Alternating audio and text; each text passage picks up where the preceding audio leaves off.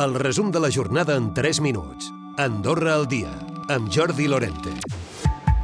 En el Dia Mundial de la Salut Mental hem conegut que la unitat de conductes addictives atén més de 730 usuaris. És una xifra que s'ha incrementat a causa de la pandèmia.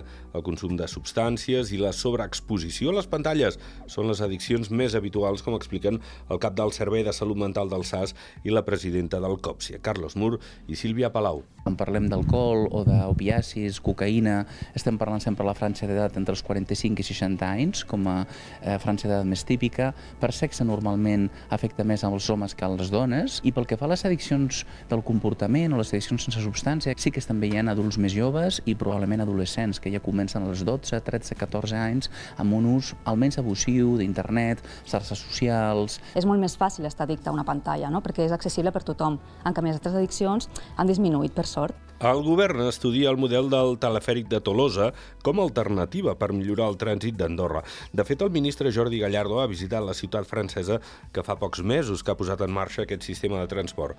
El telefèric tolosenc té una capacitat per a 15.000 usuaris diaris i té poc impacte ambiental. Gallardo ha assegurat que la seva implantació al Principat és viable econòmicament. L'executiu seguirà en contacte amb l'empresa gestora d'aquest telefèric per tirar endavant la segona fase d'aquest estudi. I el Comú d'Andorra la Vella preveu que l'edició de la Fira d'enguany suposi un retorn a la normalitat i que hi passin uns 70.000 visitants entre el 21 i el 23 d'octubre. L'aparcament quedarà totalment operatiu per tots sants, dies de màxima afluència turística. I Escaldes ha inaugurat el segon parc de la parròquia per a gossos, també el més gran.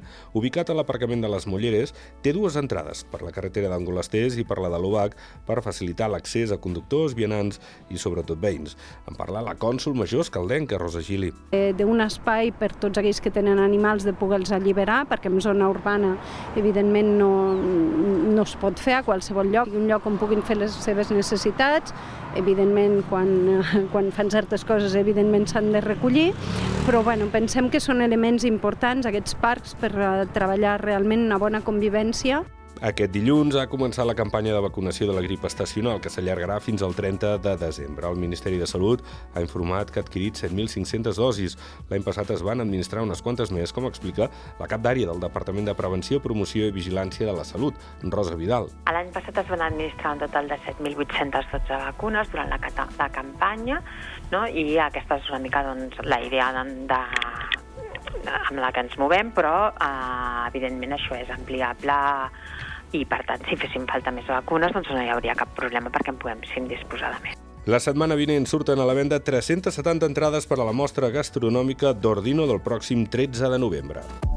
Recupera el resum de la jornada cada dia a Andorra Difusió.